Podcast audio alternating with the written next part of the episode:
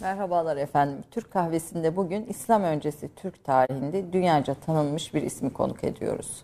Sadece Türkiye'de değil, dünyanın pek çok ülkesinde Türk tarihi araştırmalarında önde gelen, sevilen, saygı duyulan bir isim. Ahmet Taşağal, profesör. Hoş geldiniz efendim. Yeditepe Üniversitesi Tarih Bölüm Başkan ama onun ötesinde Türk tarihine yaptığı katkılarla e, ve bu katkılar dünya çapında e, katkılarla e, Türkiye'nin en önemli tarihçilerinden birisi. E, Ahmet Taşal'ın bir diğer özelliği de hamasete kaçmadan, e, işin e, ne diyelim duygu yoğunluğunu ön plana çıkartmadan tamamen çalışmalarını bilimsel çerçevede tutmuş. Tarihçiliği de bu çerçevede e, son derece kıymetli e, Sayın Taşal'ın. Efendim hoş geldiniz diyorum. Ee, Hoş bulduk. E, sizi okurken hani ne kadar az şey bildiğimizi, ne kadar çok şey de yanlış bildiğimizi e, düşündüm.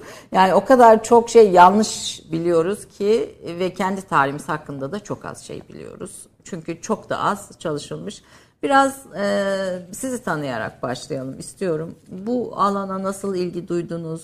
E, İslam öncesi Türk tarihine ne zaman başladınız çalışmaya? Ve sizi diğer tarihçilerden yani çünkü Türk tarihi Rusların ve Çinlilerin ve işte Danimarkalıların, Almanların filan ilgi gösterdiği bir şeyken birdenbire bir Türk tarihçisinin bu konuda bu kadar derinleşmesini sağlayan sebepleri konuşarak başlayalım. Buyurun. Evet, e, çok teşekkür ederim öncelikle programa davet ettiğiniz için. Ben e, Yalova'nın İlyas köyünde doğdum 1964 yılında. Köyde büyüdüm ilkokul daha sonra İzmit'te ve İstanbul'da. Bir köy okulunda okudunuz. Bir evet, köy çocuğusunuz. Kesinlikle öyle. Böyle Veya, büyük kütüphanelerin içinde falan büyümediniz. Yok. Son derece kısıtlı e, kitaplar arasında okudum ama o dönemde evimizde dedemizden veya büyüklerimizden kalan bazı kitaplara bakıyordum. Onlar çok ilgimi çekiyordu. Ama özellikle ilkokul dördüncü sınıfa giderken sosyal bilgiler kitabında Orhun yazıtlarının çizimlerini görmek ve oradaki o mavi tonu böyle hissetmekle birlikte e, herhalde dünyam değişti diyebilirim. Ondan sonra e, şimdi büyük bir tarih merakı başladı. Ki ailemde e, yani o tabii iyi şartlara sahip değildi ama her şeyle destek olarak e, her zaman tarih peşinde koşmama sebep oldu. E, ortaokul ve lisede bunları devam ettirdim ama üniversitede özellikle İstanbul Üniversitesi'nde o büyük hocalarımız vardı. Onlardan ders aldık. Daha sonra hocam Profesör Doktor Gülçin Çandallıoğlu'nun destek ve teşvikleriyle Tayvan'a gittim. Çince öğrendim. E, Gülçin Hanım hayatınızda e, yani birçok röportajınızı dinlediğimde e, en önemli dönümse dönüm noktası bir eşik atlatan kişilerden birisi e, evet, herhalde. Sağ olsun gerçekten öyledir. Yani e, bu Çince öğrenmemde ve burs bulmamda, yurt dışına gitmemde 1985 şartlarında daha yaşım 21 diyelim. E, çok faydalı oldu. Bana o yol göstermiştir aşağı yukarı. Ve ona her zaman minnettarlığımı ifade ederim, etmek isterim. Ee, bunun dışında... Niye Tayvan'a Çince gittiniz? Yani çünkü, başka yerde Çince öğrenmek mümkün değil mümkündü, miydi? Mümkündü, tabii mümkündü ama Tayvan'da doğrudan eski Çince kullanılıyor hı hı. günlük hayatta. Hala öyle. Dolayısıyla eski Çince üzerinden eski kaynaklara yani klasik Çince'ye ulaşmak daha kolaydı benim için. Ama daha pratik baktığımız zaman burs imkanı oradan çıkmıştı. Yani hocamızın ilişkileri Tayvanlıydı ondan şimdi, dolayı. Şimdi Gülçin Hanım e, Bozkır'ın diye bir kitap var e, Ahmet Taşal hakkında onun yazılarını o da son derece de kıymetli bir kitap tavsiye ediyorum okuması da çok hoş. E, Gülçin Hanım'ın e, Ahmet Taşal hakkındaki anıları için de diyor ki insan evladını hep küçük zanneder. Ben de Ahmet'i 17 yaşında ta- tanıdım ve hala evet. şimdi 17 yaşımda e, benim gözümde ve sizin çalışmalarınıza büyük değer atfettiğini kesinlikle de söylüyor. Öyle, kesinlikle öyle. Her zaman hürmetlerimle anarım ve gerçekten o yolu bana hocam açmıştır. Yani o bakımdan Yoksa ben Çin'e çok uzak geliyordu gözümde. Rusça, Farsça dillerini yani özellikle eski İranca.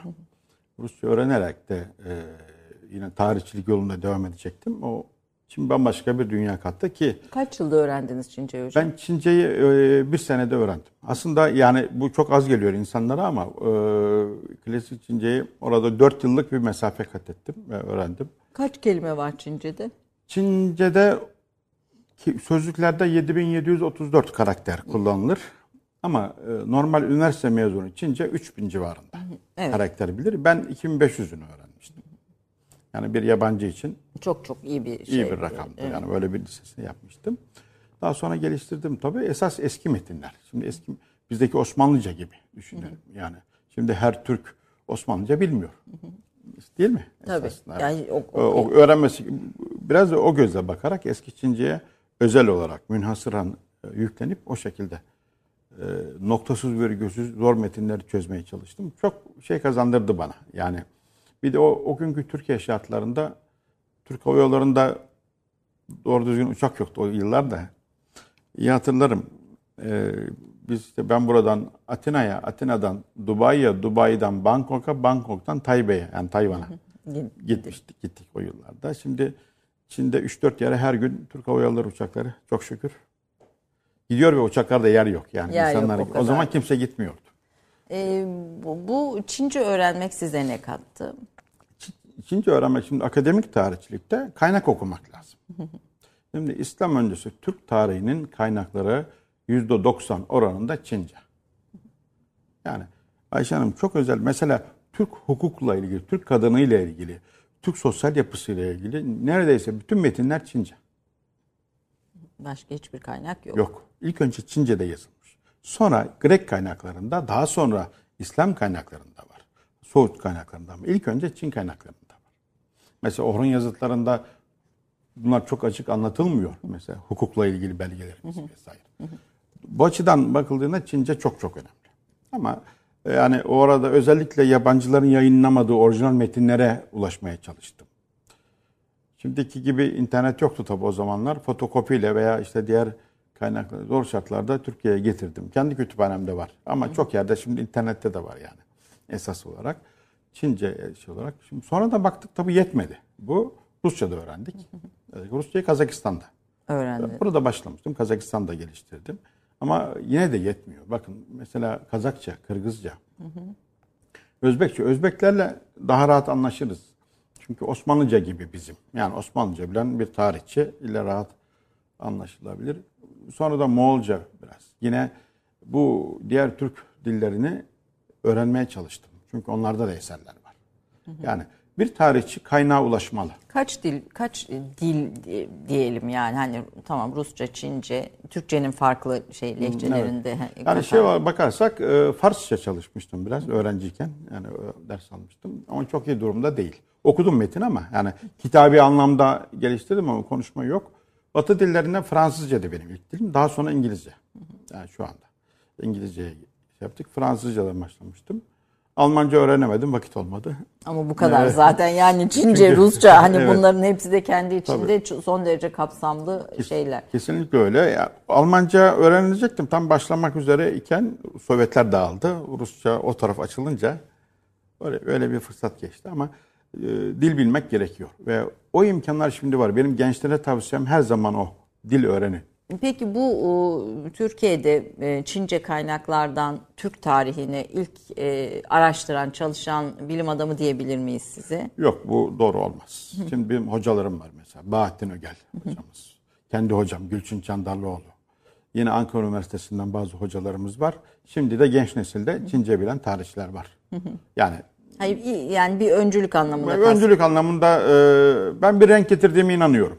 Yani büyük katkı sağladığımı özellikle Göktürkler kitaplarımla ve o eski Türk boyları kitabımla büyük katkı sağladığımı düşünüyorum. Çünkü o belgeler hiç yayınlanmamıştı. İlk defa ben yayınladım. İlk, şimdi ilk yaptıklarınıza da Onlara geleceğiz. e, esas şey olarak o ama bu sadece ben biliyorum demek. An, el yok siz değil yani bir yok bir kapı açmak hani bu konuda bir ilk Evet, oluşturmak anlamında çünkü bu e, Danimarkalıların, Avusturyalıların, evet. Rusların, Almanların araştırdığı bir saha iken Türk tarihi hani bu sahada Türk araştırmacıların bilimsel e, bir şeyde bir yeterlilikte yer alması çok onur verici kesinlikle, ve gurur verici kesinlikle. bir şey ama bu hani ancak çok geç tarihlerde oluyor demek evet. ki. Şimdi ben tek tek kavramlar Türk tarihine geleceğim bir kısa özgeçmişinize vermek istiyorum arkadaşlarım hazırlarsa fakat Göktürkleri daha çok seviyorsunuz gibi hissettim. Yani okuduğum röportajlarda e, oğlunuzun ismi de Göktürk evet. değil mi? Evet. E, Kızımın ismi de Gökçe. Kızımın ismi Gökçe evet. evet. Oğlunuzun ismi Göktürk. Göktürkleri olan sevginizin böyle bir e, şey var mı özel sebebi? E, o, o da yine çocukluğuma gider. Yani o Orhun yazıtlarının işte çizimini ve mavi gökyüzünü görmem. Belki gökyüzünü çok sevmem. Hı hı. Hep böyle gök kelimesiyle bağlantılı olduğunu düşünebilir. Türkçenin en önemli kelimelerinden biridir gök. Eskiden kök deniyormuş, şimdi gök diyoruz.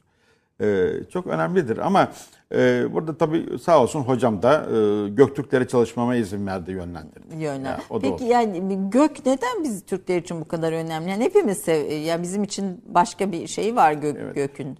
Yani soyut bir kavram. Yani şimdi tek tanrı inancına benziyor. Tek tanrının olduğuna inanıyorlar gökyüzünde. Soyut bir kavram. Ee, ve uçsuz bucaksız bozkırlarda bilmiyorum bulundunuz mu Orta Asya'da hiç gök bütün insanları kap, kapsıyor, kapsıyor ve daha yakın. E, gece yıldızlar daha parlak. Biraz bozkırın o bozkırın ortamıyla, ortamıyla. tabii nemsiz ortamla birlikte gündüz e, gökyüzü çok güzel görünüyor. Yani o ve tapınak yok dolayısıyla mesela. Hiç tapınak yok mu yok, Türk yok. tarihinde? Şeyde e, o Budist, Maniheist, İslamiyet ve diğer dinlere girmeyenlerin hiçbirinde tapınak yok. Dolayısıyla Çok göğe sığınıyorlar. Yani sıkıştığı zaman sığındığı tek yer yukarıdaki gökyüzü. Gök. O yüzden yani, gök gök bizim için başka bir başka bir anlam ifade ediyor. Sembol ifade ediyor. Efendim kısaca Ahmet Taşağal hikayesini e, özgeçmişini çok kısa veriyoruz. Bu arada Taşağal soyadı da enteresan. Hani biraz çok kısa evet. sebebini izah eder misiniz? Taşağal soyadı kanunu çıktığı zaman bizim köyde Merahlar e, soyadı olarak alınmış bazı kişiler tarafından. Bizim Taşağıl'da en uzak Mera'nın adıydı. Şimdi başka bir köy var orada. Bir Boşnak köyü e, bulunuyor. Taştan yapılmış köy demek aslında. Yani ağıl köy demek Türkçe'de. Ağıl şey esas kökü budur. E, kökü Halbuki biz daha hani hayvanların barındığı mekan gibi. Koyunların ve o keçilerin barındığı yere anlamına verilir ama esas esas Türkçe'de ağıl köy demektir. Ve Türkiye'de çok yerde Erzurum'dan Antalya'ya, Trakya'dan işte çok yerde Taşağıl köyü vardır. Ha, enteresan. Çok sayıda enteresan. var. Yani bizimkileri oradan almışlar ama bizim sülale adımız Memişoğullar diye geçer. Peki. Efendim ben de Salur boyundandım. Bu arada kendi köklerime dair de Ahmet Bey'den ta, nereleri Oğuz boylarının. Oğuz boylarından Çin'e kadar giden Gansu bölgesinde e, Salurlar var. Salur yaşıyor hala. Tabii, Demek tabii. ki atalarımız, dedelerimiz yani orada yaşıyor. Şimdi şey bölünme oluyor ya mutoz bölünme gibi kalabalıklaştıkça kaynaklar yetmiyor. Mecburen diğer alanlara da dağılıyorlar. Bu kendiliğinden olan bir şey. Yani başka türlü kaynaklar yetmez. Aç kalırlar. Aç kalmak yerine göçü tercih etmişler. Konuşacağız zaten. Bunları da detaylı. Kısaca bir Ahmet Taşağlı'nın yaptığı çalışmaları birlikte bir izleyelim efendim. Ahmet Taşağıl 1964'te Yalova Çiftlikköy'de doğdu. İlkokulu köyünde bitirdikten sonra orta ve lise öğrenimini İzmit Mimar Sinan Lisesi'nde tamamladı. İstanbul Üniversitesi Edebiyat Fakültesi Tarih Bölümünden 1985 yılında mezun oldu. Daha sonra Tayvan'ın başkenti Taipei'ye giderek klasik Çince öğrendi. Türkiye'ye dönüşünden sonra Mimar Sinan Üniversitesi Tarih Bölümü Orta Çağ Tarihi Anabilim Dalı'nda araştırma görevlisi oldu. İstanbul Üniversitesi Sosyal Bilimler Enstitüsü'nde 1988 yılında Göktürk ülkesine gelen Çinli elçilerin raporlarına göre Göktürk-Çin ilişkileri adlı teziyle yüksek lisansını Göktürkler konusuyla doktorasını bitirdi. Mimar Sinan Üniversitesi'nde 1992'de yardımcı doçent, 1995'te doçent, 2000 yılında profesör oldu. 1997-2002 yılları arasında Kazakistan'da bulunan Uluslararası Hoca Ahmet Yesevi Türk-Kazak Üniversitesi'nde öğretim üyeliği yaptı. Orada bulunduğu son yılda Tarih Felsefe Fakültesi dekanlığı görevini yürüttü. Buhara, Semerkant ve Taşkent gibi Türk İslam kültürünün önemli bölgelerinde saha araştırmalarında bulundu. Orhun'da bulunan eski Türk yazıtları üzerine çalıştı ve Kültegin yazıtını Türkçe'ye ilk tercüme eden araştırmacı oldu. 2004-2005 yıllarında Bişkek'teki Uluslararası Manas Türk-Kırgız Üniversitesi'nde öğretim üyeliği yaptı. 2005 yılı sonunda döndüğü Türkiye'de Mimar Sinan Güzel Sanatlar Üniversitesi'nde Sosyal Bilimler Enstitüsü Müdürlüğü, Rektör Yardımcılığı, Tarih Bölüm Başkanlığı yaptıktan sonra 2015'te emekli olarak Yeditepe Üniversitesi'ne geçti. Hala Yeditepe Üniversitesi Tarih Bölümü Başkanlığını yürütmektedir. Orta Asya Türk tarihinin eski ve yeni dönemlerine dair yazılmış 200'den fazla makalesi ve aralarında Bilge Kağan'ın vasiyeti, Türk model devleti Göktürkler, Çin kaynaklarına göre eski Türk boyları, Bozkır'ın Kağanlıkları Hunlar, Tapkaçlar, Göktürkler ve Uygurlar kitaplarının da bulunduğu yayınlanmış 10 kitabı vardır. Profesör Doktor Ahmet Taşağıl İngilizce, Çince, Rusça, Kazakça, Kırgızca ve Özbekçe bilmektedir dolu bir hayattı. Türk Türk tarihin ve Türk Türklerin izinde evet. bu arada kazılar da var. Yani Türk tarihinin içinde, arke arkeoloji de bunun içinde. Şimdi Türk tarihini anlatmaya nereden başlarız? Türk tarihini tam sağlıklı veriler üzerine milattan önce 3000'lerde anlatmaya başlarız. Tabii o şöyle diyorum ben erken şafağı gibi yani yer yerin e, karanlığın yavaş yavaş ortadan kalkıp günün aydınlanmaya, ışımaya başlaması gibi değerlendiriyorum ve oradan başlayarak günümüze kadar takip ederiz. Mesela ilk yazılı izleri Çinlerin atalarının oluşturmuş olduğu kaplumbağa kabukları üzerindeki yazılar, kemiklerin üzerindeki yazılar, bambu kayıtları üzerindeki yazılar. Böyle bu tip şeylerden başlayabiliyoruz. Hunların atalarını götürebiliyoruz yani. Ama arkeolojik bunun paraleli de var bunun. Afanasyoba kültürü yine milattan önce 2700-3000'lerden itibaren e, daha sonra Andronoma kültürü e, ile birlikte e, ve günümüze kadar takip edebiliriz. Yani bunlar birbirini devam eden devam. bir aynı yani, aynı hat evet. üzerinde gidebilir. Yani şunu demek mesela Mezopotamya'da da durum aynıdır. Mısır'da da, Hindistan'da da, Çin'de de. Dolayısıyla Türk tarihinin geri tarafı yoktur, ileri tarafı da yoktur. Yani insanlık tarihi aynı dönemde aydınlanmaya başlamıştır.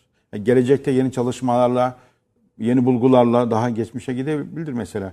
Göbekli Tepe tam çözülse. Belki orada da izler. Çıkabilir. Veya başka yerlerde de olabilir.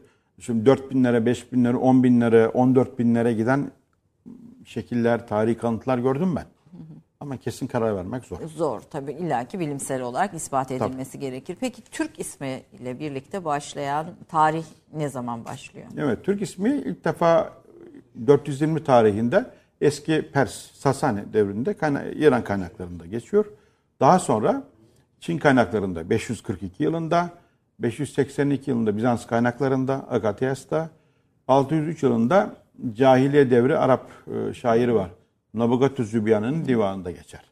Bu, dönemde e, bizim yazıtlarda ise e, 720'li yıllarda, 725'te Tonyuk'ta ve şeyde Orhun, e, Orhun e, yazıtlarında geçer. E, orada şudur ama. Mesela İranlıların kafasında Sırderya Irmağı'nın yani Mavera Nehrin ötesindeki insanların adı Türktür.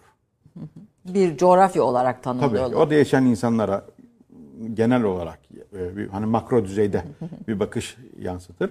Çin kaynakları da mesela o Göktürk Devleti'nin ortaya çıkışını Türk ve diğer Töres boylarıyla birlikte o dönemdeki e, Karadeniz'den Mançurya'ya kadar olan sahadaki hem Türk kökenli boyları hem o Göktürk Hanedanı'nı anlatır. Bu şey olarak. Aynı dönemde Bizans kaynakları Orta Asya'ya Türkiye der. Bakın Menandrostov yani geçer. Daha sonra yine aynı Bizans kaynakları Karadeniz'in kuzeyine Türkiye diyorlar. Karadeniz'in kuzeyi. Tabi Hazarlar Hazar ve Peçenekler tarafını, zamanında. Evet. Ve Peçenekler zamanında. Memlükler zamanında Filistin, Mısır o bölgeye Türkiye demişler. Et devleti Türkiye diye söylüyorlar. Dördüncü Anadolu'ya. 13. yüzyılda İtalyan kaynakları ve Yunan kaynakları. Türkiye diyor. Yani Türkiye ismi aslında yani, çok tarihin çok eski dönemlerinden beri farklı coğrafyaları tanımlamak için e, kullanılan bir, bir isim. ve yabancı kaynakların kullandığı. O yüzden yabancı dil öğrenmek önemli. İlk bizim tarihimizi araştıran e, kim olmuş? Yani nasıl bir, e, tabii belgeler anlamında hmm. araştıran. Bu anlamda ilk çalışma yani benim bildiğim kadarıyla Paris'te 1856 yılında Dögüni isimli e, Hunların, Türklerin, Tatarların genel tarihi diye bir çalışma yapıyor. Fransızca, Çin kaynaklarına göre yine. Ondan sonra Rusların ve yine Fransızların ağırlıklı olarak çalışmaları var. Orhun yazıtlarının çözülmesiyle birlikte 1893'ten sonra yoğun bir şekilde Türk tarihinin araştırmaları var ki 1890'lardan 1930'lara kadar Türk tarihi ve Türkoloji genel anlamıyla altın devrini yaşamıştır. Gerçekten çok sayıda keşifler yapılmış. Yani burada buna mesela e, işte Thompson'dan biraz Thomson'den biraz hmm. sonra hani siz de söz edeceksiniz Orhun hmm. yazıtlarını kitabeyi bulan hmm. ve okuyan ya da isimden. Ee, mesela e, Kuzey Avrupa ülkelerinin ilgi göstermesi, Danimarka, Finlandiya, İsveç gibi veya Rusların ilgi göstermesi veya Almanların ilgi göstermesinin bir özel sebebi var mı? Yani tabii o dönemde arkeolojik olarak da Türk topraklarına çok ilgili özellikle Almanlar, İngilizler ama hani burada sanki biraz daha o e, fark Slav ve Alman e, ırkının bir şeyi var. Daha özel ilgisi özel var. Özel ilgisi ve gayreti var. O Ruslar e, bu dönemde Türk illerini işgal etmişlerdi. Yani Türkleri yakından tanımak istiyorlar. Mesela Batı Göktürkleri hakkında dünyada en çok kullanılan bir eser vardır. Şavan'ın Doküman Tukuyu Oksidanto diye. O onu Rusya'da Ruslar yayınlatmıştır hı hı. 1903 yılında. Ee, bu var. Macarların tabii o Turancılık ve işte kendi tarihlerini araştırma derdiyle birlikte ortaya çıkardığını görüyoruz. Yine Finlerin aynı dönem. İngilizlerin, Fransızların, daha sonra Almanların sömürgeci bakış açısı var. Bu net. Ama Ma- Macarlar, Ruslar, e, Finliler evet. kendi tarihlerini e, de görmek açısından Türk tarihine ilgi gösteriyorlar. Kesinlikle öyle. O oransal olarak. Bir şey daha var orada. Mesela e, Çin'e ulaşıyorlar. Çinleri iyice araştırıyorlar. Bakıyorlar ki Çinlerin kaynaklarında Tucuye diye yani Türk diye bir halklar var. Başka gruplar var. Oradan yöneliyorlar kim diye. Bir merak, ilgi de var. Bunda e, bence biz minnettar olmalıyız. E, peki bu kitabenin bulunması, Orhun yazıtlarının bulunması neyi değiştirdi? Biraz oradan evet. da devam edelim. Biz Orhun yazıtlarının bulunmasıyla birlikte eski dönemde Türklerin iç dünyasını anlamış olduk. İç yapımız. Yani devlet nasıl kurulur? Hükümdarın görevleri nelerdir? Halkın görevleri nelerdir? Gerçekten şematik bir şekilde açıklay e, açıklamış zaten Bilge Kağan söylemiş. Yani devletin yıkılmasında önce kötü yöneticiler diyor. Yani çuvaldızı kendine batırıyor. Daha sonra şey e, milletini suçluyor. Gidip Çinlerle işbirliği yaptığı için. Yani orada e, Çinlerin tatlı sözüne, ipeğine kandığı için gerçekten günümüzde uygulayabileceğimiz bir sistem var. Biraz daha ilerisinde Çinlilerin entrikalarını söylüyor. Gelelim 21. yüzyıla soğuk savaş taktikleri. Ve Bilge Kağan'ın o metninde Kesinlikle. E, bu yer alıyor. Kesinlikle Ayşe Hanım bakın Tony Cook'un en önemli yaptığı işlerden biri iç düşmanlarla dış düşmanların işbirliği yapmasını engellemek. Hı hı. Gelelim 20, 21. yüzyıla. Aynı sistem geçerli değil mi? Aslında bir felsefe, bir yönetim felsefesi Kesinlikle. ortaya. Hem yönetim felsefesi yani genel olarak iç dünyamızı anlayabiliyoruz diyor. Anlayabiliyoruz. Peki devam edeceğiz ama Giresun'da bir afet yaşadık. Onunla ilgili e, bölgede yetkililerimiz var. Bir can reklam mı? Peki reklammış. Böyle hatalar da oluyor. Hmm. Böyle o zaman kısa bir reklam arası efendim. Reklam arasından sonra Türk devletinin e, ne diyelim yönetim ilkeleri üzerinden konuşmaya devam edeceğiz. 30 saniye reklam arası. Türkiye'nin tek haftalık haber dergisi Gerçek Hayat, gündemi yakından takip ettiği dosya ve röportajlarıyla her pazartesi okuyucusuyla satış bayilerinin raflarında buluşuyor. Gerçek Hayat artık sayfalardan dijitale taşıyor. Sayfalara sığmayan yazılar, röportajların perde arkası, interaktif içerikler. Gerçek Hayat artık size daha yakın. Tüm içeriklerden ilk haberdar olmak istiyorum diyenler. Gerçek Hayat, GZT'nin sosyal medya hesaplarına davet ediyor. Reklam arası sona erdi. Efendim Türk Kahvesi'nin ikinci yarısındayız. Konuğum Profesör Doktor Ahmet Taşal, Türk tarihinin dünya çapında temsil eden değerli bir bilim adamı. Biz e, Orhun yazıtları ve Göktürklerden konuşmaya başladık. Bunlara geçeceğiz biraz geriye döneceğiz ama önce bu Orhun yazıtlarının bulunması neyi değiştirdi diye sormuştum. Evet. Ee, biraz oradan devam edelim. Orhun yazıtları nedir? İşte Göktürkler e, anlamında bize hangi bilgileri vermiştir? Biraz o, o kaynağın bizim için önemini e, anlatalım. İlk bulan da biz değiliz zaten. E, yani hani bu biraz onu da anlatın isterim. Tabii. Ee, 1889 yılında Orhun yazıtları ilk defa bulunuyor.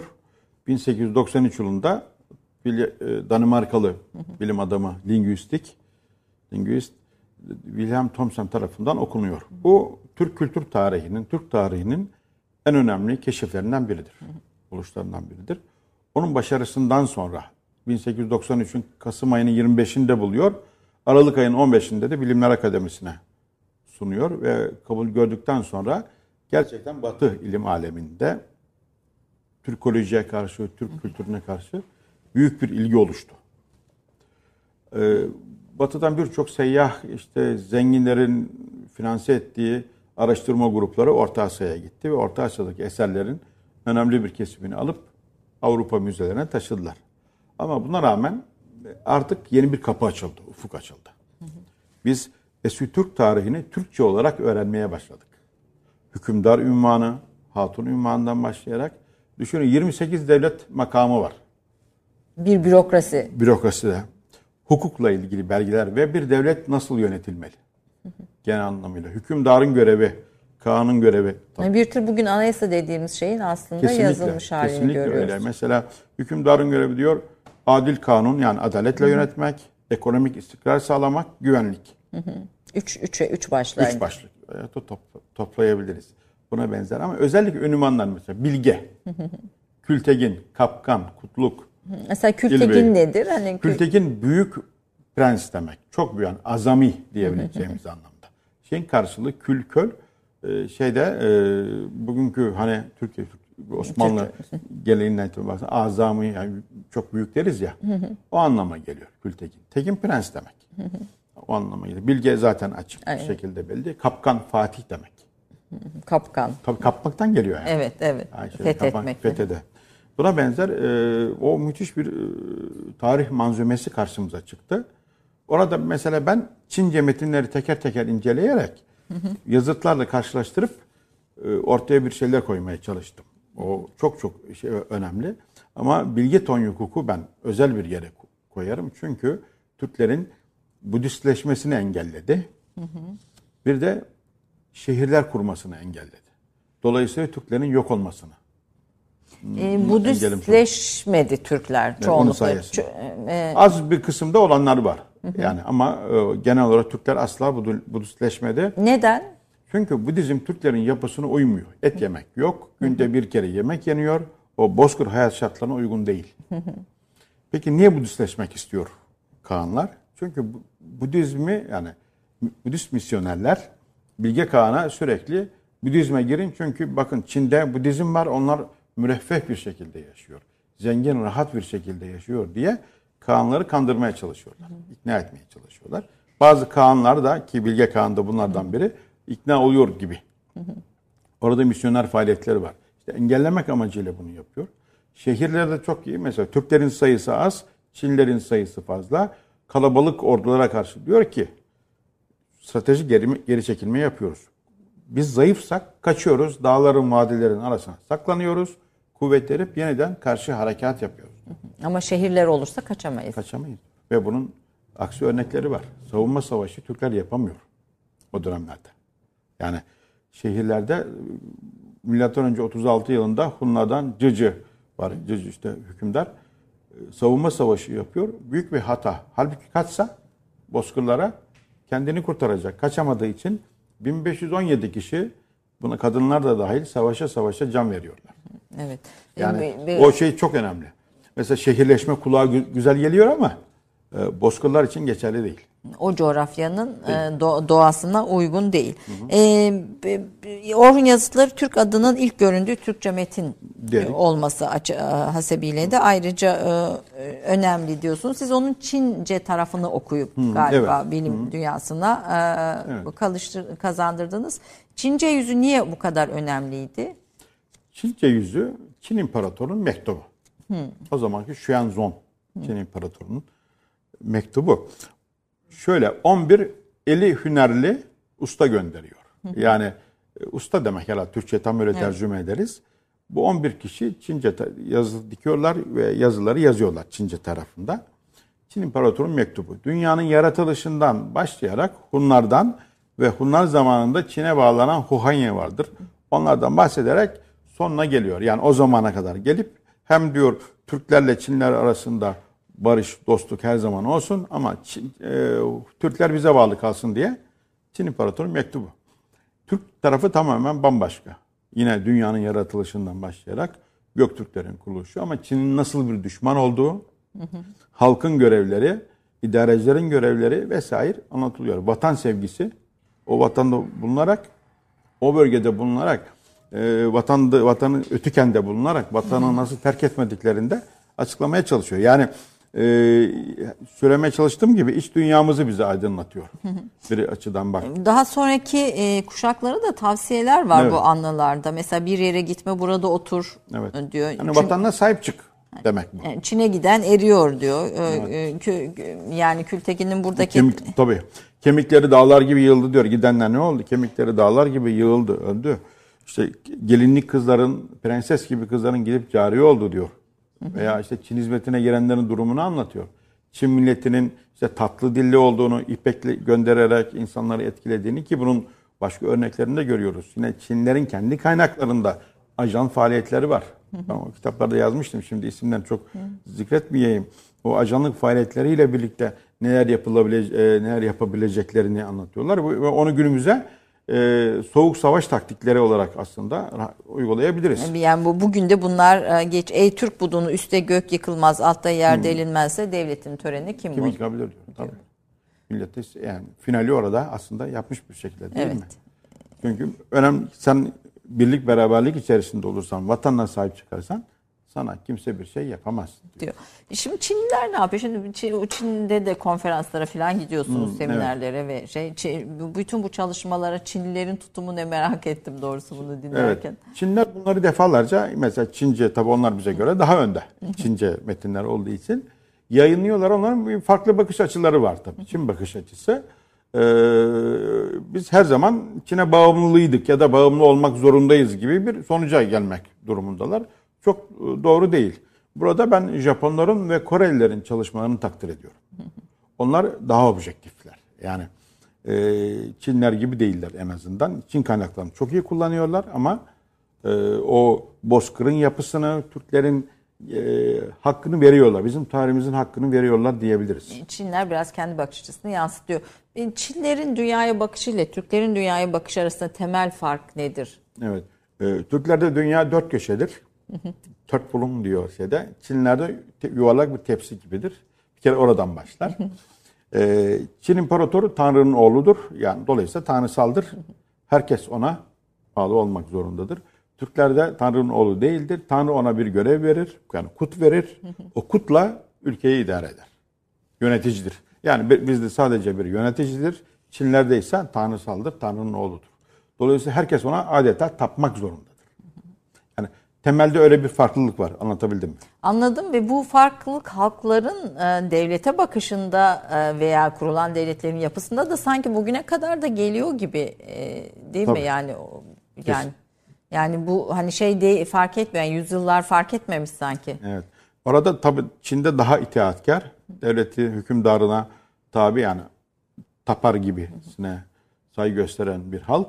Bizde ise özgür, hür bir halk söz konusu. Biraz Bozkır'ın da galiba bunda Tabii hayat şartları da bunu sağlıyor. Dinamik. Başka türlü olması da mümkün değil gibi görünüyor esasında Ee, uygulamada. Yenisey başka Yenisey yazıtları var. Yenisey'de var. E, bu şeyin içinde. E, Bayan Örgi'de var, Yenisey'de var. E, Moğolistan'ın her tarafında var Ayşe Hanım. Yenisey'de var. Güney Yenisey yani Hakasya, Tuva, Al, Dağlık Altay, Mac- Kazakistan'da var. Kırgızistan'da var. Burada şey, e, ilk 15 Aralık 1893'te yazıtların Türklere ait olduğu duyuruldu. Şifreyi açan ilk okunan sözcük ise Tenkre'ydi. Tengri. Hı. Yani Tanrı e, Tengri. sö- sö- sözcüğüydü. E, Çünkü bunlar çok geçiyorlar şeyde. Hem Çince metinde Tien olarak hem Tucu'ya geçiyor ve Kültegin. Türkçe tarafında da onun karşılıklarını bularak oradan hareket, Hareket Tom ediyor. sen Türkçe bilmiyormuş. Bu eski işte Anadolu falan Ön Asya dilleri uzmanı, lingüist. Oradan çıkartıyor. E, bu kitabını Orhun Yazıtlar isimli bir kitap yazıyor bu harflerin deşifresini. E, ünlü yazar Ahmet Mihtat Efendi'ye armağan ettiğini e, söylüyorsunuz. E, bu da 20 Ağustos 1897'de İktam Gazetesi'nde en eski Türk yazısı bulundu başlığı yayınlandı diyorsunuz. Biz ne zaman haberdar oluyoruz İşte- Osmanlı coğrafyasında bu Gerçekten konuda? e, o dönem işte Sultan II. Abdülhamit devri içeride ve dışarıda birçok e, gaileyle uğraştırılan bir dönem. E, Türkler arasında uyanış var. Hatta onun önce Ahmet Vefik Paşa, Ahmet Cevdet Paşa ve Vefik Paşa, Ali Suavi ve birçok e, Türk tarihine ait çalışmalar yapıyorlar. Dögünü'nün eserine bu 1311 Fransız. Hicri şeyde onu Türkçe'ye tercüme ediyorlar. Çok önemli bir eser. Yani bugün bilimsel bir değeri yok ama çok önemli bir eser. Yine Stanislas Julien diye e, adlı bir Fransız yazar var. Onun 1868-1874'teki çalışmaları yine Türkçe'ye tercüme ediyorlar. O Türkiye'de milli havanın eski Türk tarihine karşı olan ilginin kökü odur. Julien'in ve Dögün'ün eserleri. Eser yani. Ziya Gökalp'le Tabii bizim başta onlar ondan faydalanmışlar. bu Türkçülük akımının e, Tabii bir- orada. Onlar bu kaynaklardan beslenmişlerdir. Ee, Necip Asım yine bir aklıma gelenleri bu dönem yine Osmanlıca o dönemde. Bunları sonra Fuat Köprülü'nün buna benzer e, çalışmaları var. Yani Orta Asya Türk tarihine karşı, Türkistan'a karşı, Orta Asya Türk tarihine karşı bir etki var. Yine o dönemlerde Sovyetlerden, daha doğrusu Rusya'dan gelen Yusuf Akşura'nın yani ona benzer e, diğer alimlerin, Zeki Veli ve diğer e, hocaların da katkısı olmuştur. Evet ama bir şey bu damarı takip edip izlemiş Türk tarihine ilgi göstermişler. Ama iz- dediğiniz çok doğru. Ziya Gökalpler'le birlikte o bu şeyden kaynaktan besleniyorlar. Yani bir, bir Türk Nihal Atsız'a kadar uzanan o Türkçülük akımı buradan devam ediyor. Şimdi bu konuları çalışınca sizin e, hani ideolojik olarak duruşunuzla doğrusu merak ettim. Ne- Nerede duruyorsunuz? Ya ben vatanını, milletini seven biriyim. Bayrağım, vatanım, milletimi, devletimi sonuna kadar severim. Şey olarak ama ilimim de tarafsız olmaya çalışırım. Bu önemli bir şey. Bu Bu, önemli. bu, dünya çapında sizin kabul görmenizin de sebebi Mesele bu. bu. sanırım. Başka türlü yanlış ilmin ya da yönlendirilmiş Kirli bilgi. çalışmaların, kirli bilgilerin, bilgi kirliliğinin kimseye faydası olmaz. Bu yüzden zaman zaman çok eleştiriliyorum ama e, doğru bildiğim yoldan da sapmayı düşünmüyorum. Yani Türk milletinin, vatanımızın, millet- şu milletimizin, ülkemizin, devletin doğru tarih bilgisine ihtiyacı olduğunu düşünüyorum. Bakın. Şimdi doğal gaz bulundu ne kadar sevindik değil mi Karadeniz'de? Karadeniz'in bir, bir dönem önce ben bir ders anlatıyorum. Karadeniz'in kuzeyindeki Türk halkları, eski Türk boyları işte. Avrupa Hunları, Avarlar, Peçenekler, Sabarlar bir sürü şey anlatıyoruz. Ne kadar güzel. Aklıma o geldi. Tabii tarihçi olarak o tarafa şey çekti. Göktürkler zamanında da Türkler Kırım'a kadar sınırlarını getiriyorlar. Karadeniz bizim bak Ruslar bile Karadeniz'i çevirerek Ç- Çanyo More diyorlar. Karadeniz diyorlar. Pontus demiyorlar. Evet. Böyle bir denizden yani o müte- muhteşem bir şey. İşte tarih bunun için var. Yani yaşadığımız hayattan fa- fayda bu dinamiği yakalıp geleceğe doğru bir projeksiyon, yansıtma yapabilmemiz için var. Siz bu, bulunan bu doğalgaz rezerviyle birlikte bütün bu tarihi bilgileri bir, bir Evet. anda harmanlayarak Kesinlikle kesinlikle öyle. Yani bu her yerde böyle. Bakın ne Batı Kazakistan şimdi baktığımız zaman çöl çok çöl gibidir. Bitki o ötüsü yok gibidir ama dünyanın en büyük petrol rezervleri var oralarda. Şimdi bundan tabii ki Kazak kardeşlerimiz faydalanacak yani şey olarak faydalanması lazım. Önemli olan Türklerin kaynaklarını, Türk kökenli halkların kullanması. kullanmaz. Niye batıya doğru göç ediyor Türkler? Buradan başlayalım. Şimdi şöyle de bir yargı var. Türkler göçebedir ve şehirleşmeyi bilmezler. Hani medenileşememişlerdir filan diyen bir, bir hani bir taraftan da bu kurulan Türk devletlerinin de tarihini yok sayan bir şeydir. Bir Evet. oryantalizmi diyeceğim artık bir bir ön yargı vardır. Biraz bu klişeye iyi de analiz ederek gidin istiyorum. Bir de tarihte kaç Türk devleti kuruldu? Yani şöyle 123 en son saydığımda bu E, o civarda olur ama bunu şöyle çok övünülecek bir şey değil bence bu. Çünkü o kadar da yıkılmış yıkmışız zaten. Yani bu kadarını kurup bu kadarını da Ee, yıktığımız için fazla tabii. övünmeyelim diyorsunuz. Kesinlikle ama bilelim. bilelim. Yani nasıl kuruldu, nasıl yıkıldı bilelim. Yani bunların içinde Hunlar Bunlar e, Bozkır'ın ilk yetiştirdiği böyle bir ilk model bizim için. bu sizin kitabınız Evet. da burada. Hı, Bu, gösterim, evet. Ha, burada da özgün Bozkırların ilk imparatorluğu o ama Bozkırlar e, o zaman da mesela Metehan diye bir modu. Ba- Bahadır tam Türkiye Türkçesine karşılığı. Onun zamanında Türkler yani tam anlamıyla birleştiği gibi bir şey. Tüm Türkleri birleştiren Evet. ilk büyük büyük imparatorluk. imparator. Kaç yüzyıl? e, Bunların e, başlangıcını bilemiyoruz ama bildiğimiz tarihleri 700. 700. 700 yıl ayakta kalan Ayakta bir kalabilen var olan bir devlet. Dolayısıyla bir ben e, Moğolistan'daki arkeolojik kazıları veya işte çalışmaları gördüm. Bunlar zamanındaki e, o maddi ürün yani kültürel seviye Göktürklerden daha sonrakilerden daha üstte gibi geldi bana. Yani daha gelişmiş bir Tabii. e, devlet ve toplum yapısı. Kesinlikle öyle. Şimdi sonuçta bir Zenullah Samaşev isimli bir e, arkeolog var benim dostum. Geçen sene çağırmıştı beni Altay Dağları'na. Kazakistan'ın doğusunda. O kadar muhteşem altın eşya var ki. Milattan önce 700'lere tarihlenen vesaire. Şimdi soru şu. Bu kadar çok eseri meydana getiren insanlar daha sonra bunu niye sürekli hale getiremediler? Çünkü iklim şartları, iklim değişmesi, e, yazın e, çok kar yağması, bazen yıllarca hiç yağış yağmaması gibi sebeplerden dolayı bölgenin terk edilmesi. Burada sizin sorunuza gelebiliriz. Göç meselesi. Şimdi bakın Batı Kazakistan bozkırlarında bir hayvanın yiyebileceği ot türü 7. Doğu Avrupa'ya geçtiği zaman 2000. Arada büyük bir fark var. 285 kat fazla. Anadolu'da da öyleymiş esasında. Şimdi niye Türklerin batıya göç ettiğini görüyoruz. Her yüzyılda bir kere Orta Asya'dan Avrupa istikametine doğru göç gerçekleşmiştir. En son Kıpçaklar ve işte Moğollarla birlikte yapı değişiyor biliyorsunuz. Ee, Timur bu göçün artık göçebeliğin, bozkır hayatının bittiğinin farkında. O yüzden Semerkant merkezli bir dünya kurmaya çalışıyor kendine. Artık yerleşik olalım. Yani şey var, onun projeleri o yönde ama Timur'a kadar Türkler bunu başarıyla sürdürüyorlar. Bütün mesele şu. Ben hayatta kalma savaşını ka- kazanmak diyorum. Yani survive yapabilmek. Çok sevdiğim kelime değil ama kullanayım böyle ya İngilizce şey olarak hayatta kalmayı başarıyorlar. İşte bunun bir sebebi göç. Diğeri de o göç esnasında dağılmadan ayakta kal- kalabilmek. O da ne? Aile, sosyal yapının sağlamlığı. E, Türklerin en temel özelliklerinden, yani e, etnokültürel özelliklerinden birisinin aile olduğunu söylüyorsunuz. Bu, bu kadar göçe rağmen parçalanmıyor aile yapısı. Kesinlikle öyle. Bakın e, mesela Salur boyu sizden örnek verelim. Bugün Türkmenistan'da var. Karadeniz'in kuzeyine döndüğümüz zaman e, bu Dağıstan'ın kuzeyinde o, o tarafta var. İran'da var. Türkiye'nin değişik yerlerinde var. Ama Çin'de de var. Bunlar boy sistemi halinde yaşamasalardı olmazdı. Kıpçak boyu Kazakistan'da var, Kırgızistan'da var, Özbekistan'da var, Kırım'da, Tataristan'da ama Anadolu'da da var. Mesela. Bunun gibi. Bo- boy sistemi şeyi e, engellemiş, yok olmayı. Yok e, olma tabii o arasında yani binlerce kilometre dağılmadan gitmeyi engellemiş veya kendi aralarında ikiye üçe bölündükleri zaman dahi o parçalananlar ayakta kalabilmeyi başarabilmiş. Şimdi Çin kaynaklarında üç buçuk satırlık bir bilgi vardır. Törengitler diye. tören gittiler. Törengitler o Çin kaynaklarına göre eski şu- Türk boyları şu kitabında. Eski Türk Boyları bu o- kitapta o, şöyle kitapta ben yayınladım hem orijinal belgesini hem yorumunu yaptım. Şimdi e, o belge ben rahmetli Servet Somuncuoğlu ile bunu da rahmetli analım. Evet, o gel- geleceğim biraz gezi Aynen öyle. Rahmetli analım. Onun e, çok değerli iş adamı Kaptan Mustafa Can'ın desteğiyle işte o dönemde gittiğimizde Altay Dağları'nda Ulagan bölgesine gittik. Baktım törengitler var hala. İnanamadım. O kadar çok heyecanlandım ki.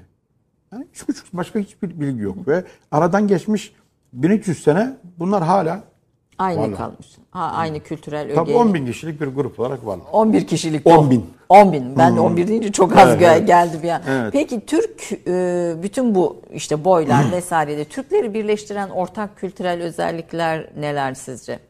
Yani ortak kültür çok şey söylenebilir.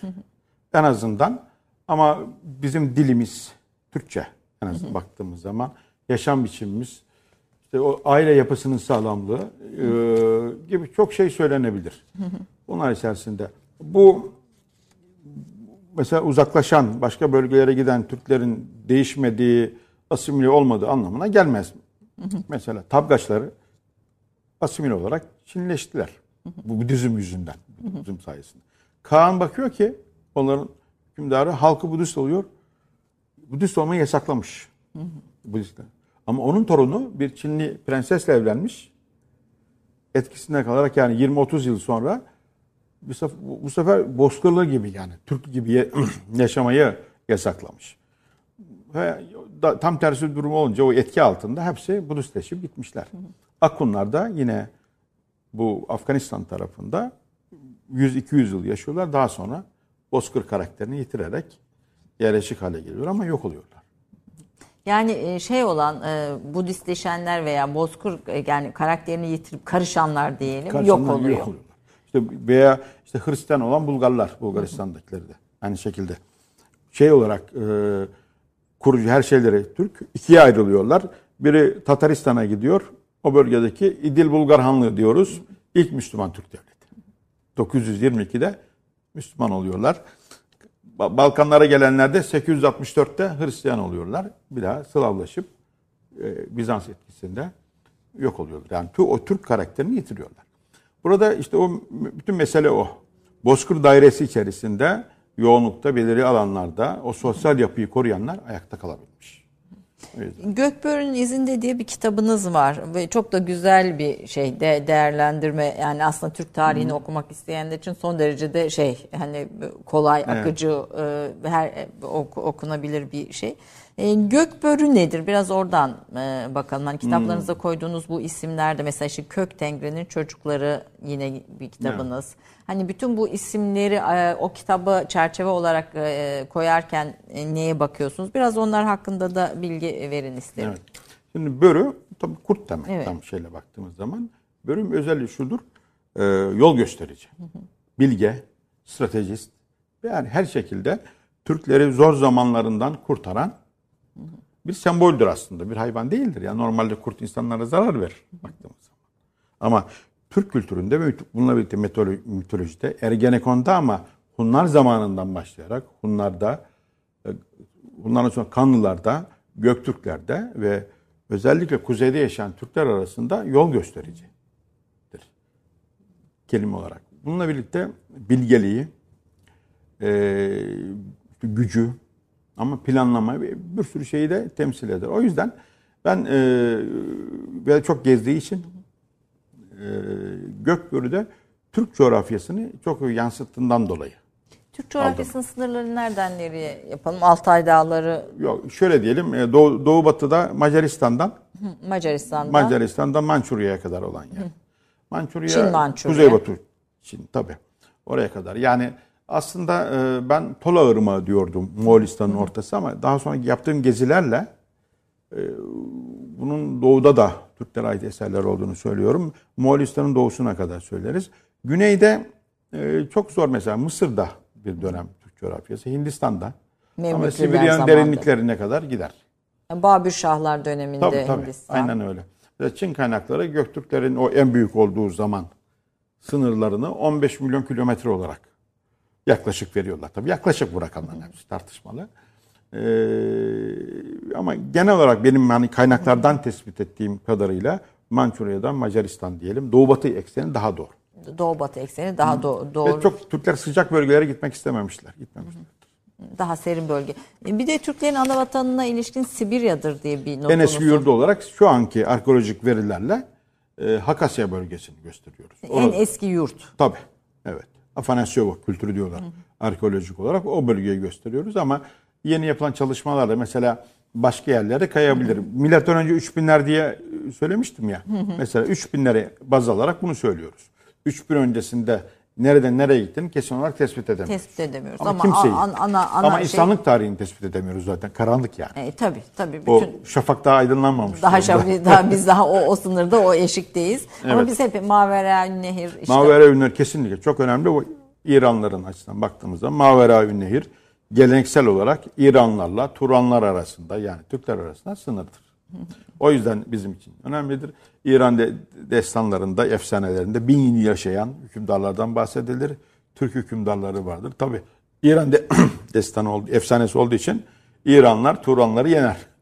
Yani- Ee, biz de olsa biz yenerdik Biz onları. biz olsak biz yenerdik. Şimdi bizim tarihte baktığımızda en çok çatıştığımız ulus milletler neler olmuş? De, tabii Evet. Ulus demeyelim de milletler Hmm, neler? Millet olarak baktığımız zaman herhalde e, Çinler sayılabilir. Yani bütünlük içerisinde. Çünkü Çinlerle bir 2-3 bin 4000 falan aşağı yukarı bayağı bir çalışmamız var sayısal olarak ama daha sonra Ruslar fakat Rusların oluşumunda da Türklerin çok katkısı var. Ee, siz hatta şey diyorsunuz bir yerde yani e, Hindis, Hintlilerin, Çinlilerin ve Rusların tarihinde Türkleri ayıkladığımızda geriye çok da bir şey kalmaz Tabii, diyorsunuz. Kesinlikle. Bana bir Çinli profesör söyledi bunu. Eğer Türkler olmasaydı dedi Çin tarihi son derece bu işte Çin'in çok yerel, gelişmemiş, ilkel kalırdı Çinler dedi. Bir Çinli profesör. Gerçekten de öyle. E, Bu e, her dönemde e, Türkler Çin'e doğru akmışlardır. Bunun sebebi ekonomik. En azından o kaynaklardan faydalanmak amacıyla e, her dönemde Çinler de davet ediyorlar. Çinler Türkleri kendilerine çekmek istiyorlar ama Çinleşmesini de istemiyorlar. Çünkü Çinleşince savaşamayacaklar. Gayet uyuşuk, hareketsiz bir topluluk zaten çok var ellerinde. Onların bozkır hayat tarzını süre, e, sürdüren insanlar olarak kalmasına e, gayret ediyorlar. Öyle bir şey de var. İlginç, çok ilginç. Ama zaman içerisinde oradaki Türkler zenginleşiyor tabii ve Çinleşiyorlar. Çin. Soyadlarından da anlayabiliyoruz. Nasıl bazen. mesela? Mesela o üç hecelidir ya. Mesela evet. mesela şey olarak bakarsa ilk Cie mesela Cie Huli diyorsa diyelim ki o Cie bir boyun adı ya da bir Türkçe isimdir. Onu yüzyıllarca sürdürürler. Buna benzer isimler. Yani o, o şeyde o boyun ismini de Tabii, Türk boyunun kan, kan şekli mesela kan diye yüzyıllarca sürdürdüler. e, o boyun ismini de soy isimlerinde taşıyorlar. Bir de Ruslar dediniz. Rusların oluşumunda e, Hazarların katkısı var. Peçeneklerin çok katkısı var ama Uzların ve özellikle Kıpçakların da şey var. Mesela Kıpçaklar gidip Hristiyanlaşıyorlar. Ruslaşıp daha sonra kendi insanlarına karşı savaşıyorlar. Yani Biraz tabii akraba topluluklar da biraz baktığımızda e, İranlılar, Sasaniler E, İranları biz İran çok yani İran'ı biliyorsunuz 1925'e kadar Türkler yönetti. Kaçar hanedanı. E, Selçuklulardan itibaren baktığımızda şey olarak e, 1040 Dandenekan Savaşı'nı söylemiş olsak bile daha önceki çağlarda hem işte Müslüman olan Türklerin bileşsi olarak hem de daha eski dönemlerde o partların e, vesaire e, Orta Asya'dan oraya gittik konu çok iz var. Oraya gidip İran'da hükümet kurdukları yani hakimiyeti ele geçirdikleri ama zaman içerisinde o İran kültürü asimile içinde asimile olduklarını da asimil, görüyoruz. asimile oluyor. Bu kültürel genetik devam ediyor mu hocam? Yani bu tarih bu araştırmalarda görüyor musunuz bu kültürel genetiğin yani bir şekilde? Bence devam ediyor ama çok e, belli, çok detaya bakmak lazım. Ben şeyde görmüştüm. Çin Tian Shui'de bir yer vardır. Tian Shui tanrı suyu demek. Aslında gök suyu sizin sorunuzla birlikte Evet. bak. Tanrı'nın yani o Çince açıklanamaz o kelime. Türkçe ancak olabilir. Türklerin de Çin'de en son akın yaptıkları yerler ve bugün Çinli tamamen. Ama buranın halkı biz e, Çinli değiliz, güzel insanız. Türk güzel insan demek ya bir anlamı da. E, Türk e, güzel, kuvvetli, güçlü, kuvvetli demek ama güzel insanın anlamı da anlamına veriliyor. geliyor. Biz Türk, güzel- Türk güçlü kuvvetli ama güzel insan anlamına anlamı da da geliyor. Biz e, Türküz diyorlarmış. Onu ben duydum hani şey olarak, o bölgeye gittiğimiz zaman. İzleri görmek mümkün ama çok detaylı çalışmalar yapmak gerekiyor.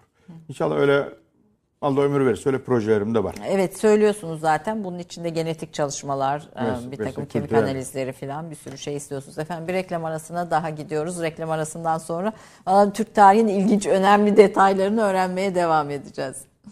30 saniye reklam arası. Birinci sınıf bir kültürün, birinci sınıf bir düşüncenin, birinci sınıf bir duyarlılığın dergisi Cins, hem edebiyat dünyamızın önde gelen isimlerini hem de yeni kalemleri ağırlıyor. Her ay bayilerden ulaşabileceğiniz Cins dergi, dijital dünyaya da yeni bir kapı aralıyor. Sayfalara sığdıramadığımız kıymetli yazılar, merak ettiğiniz yazarlarla cins sohbetler, dergiden ekrana yansıyacak röportajlar ve tabii podcast. Şimdi sizleri Cins'i tüm sosyal medya mecralarından ve gezete.com adresi üzerinden takip etmeye davet ediyoruz. Reklam arası sona erdi. Efendim Türk Kahvesi'nin 3. bölümü biraz daha hızlandırılmış geçiyor her zamanki gibi. Ben böyle bütün bu aldığım notlardan çok az bir kısmını kullanmış oluyorum. Ee, konuğumuzun derin birikiminden çok küçük bir şey yansıtmaya gayret ediyorum. Aslında o- onun da önemlisi aslında onu tanımaya çalışıyoruz. Çünkü kitaplar ortada, işte televizyon programları ortada ama önemli olan e, Ahmet Taşağlı'nın bütün bu çalışmaları yaparken ki ruh iklimi, neyi hedeflediği, nasıl yansıttığı, E, bütün bunları da biraz anlamaya gayret sarf ediyoruz. Eşiniz size çok destekçi gördüğüm kadarıyla e, Ayfer Hanım ve iki, çocuklarınız da yine öyle ve çünkü çok uzun seyahatleriniz oluyor bir de işin bütün bu çalışmalarda. Yani bir bilim adamıyla evli olmanın bir zorluğu vardır eminim. Kitaplarla dolu ve hani bir tür şey e, hayatın önceliği hep e, kitaplardan ve çalışmalardan yana olur eminim. Kesinlikle öyle. E, bir- Büyük fedakarlık yapıyor kendileri. Sağ olsunlar.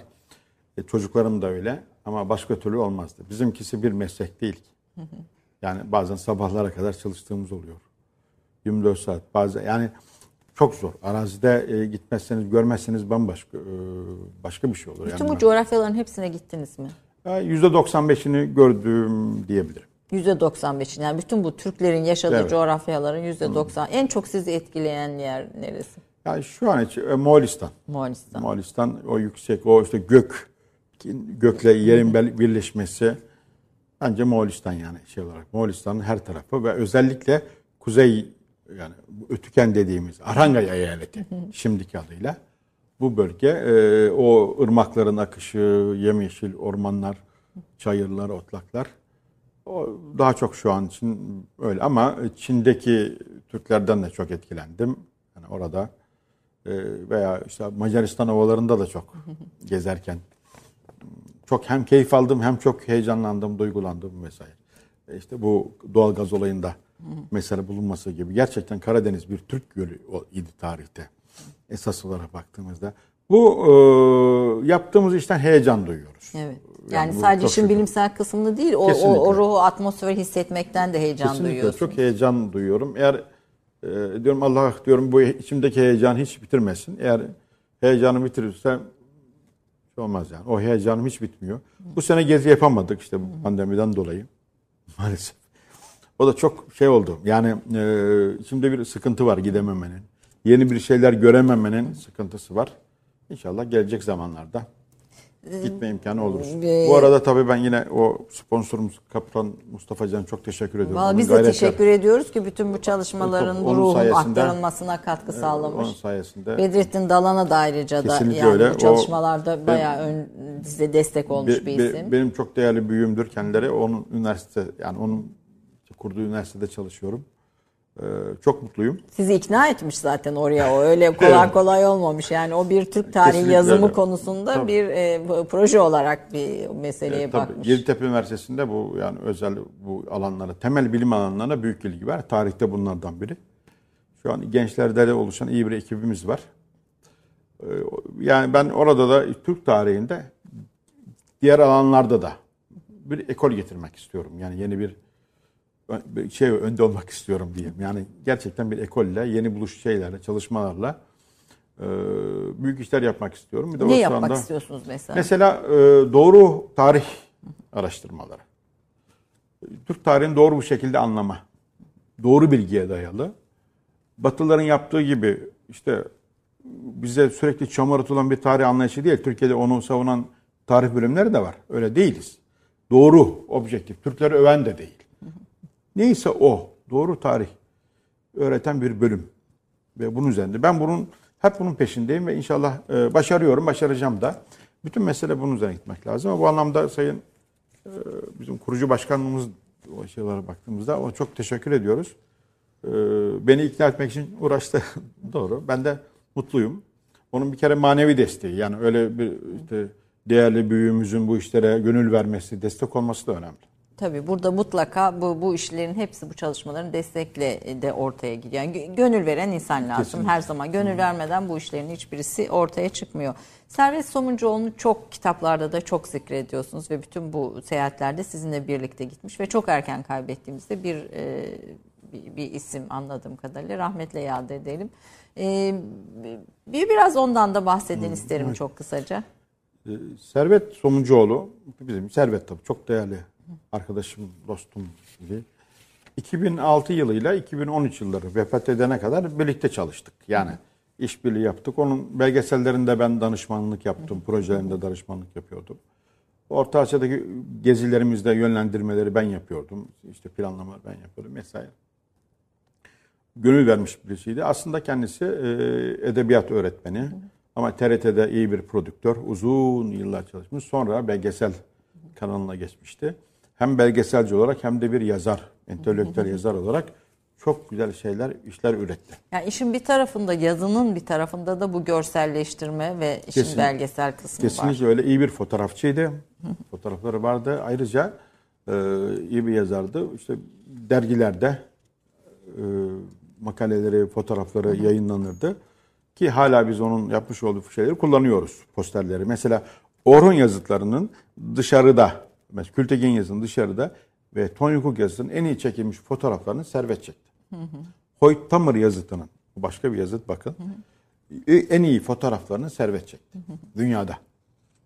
Şimdi onun yazıtlarını yani e, yazıt fotoğraflarını kitap haline getiriyoruz. Yasin Galata var aslında. Bir, bir atlasla yayımlıyorsunuz. Bir de kaya resimleri var. Siz kaya resimleri de okuyorsunuz.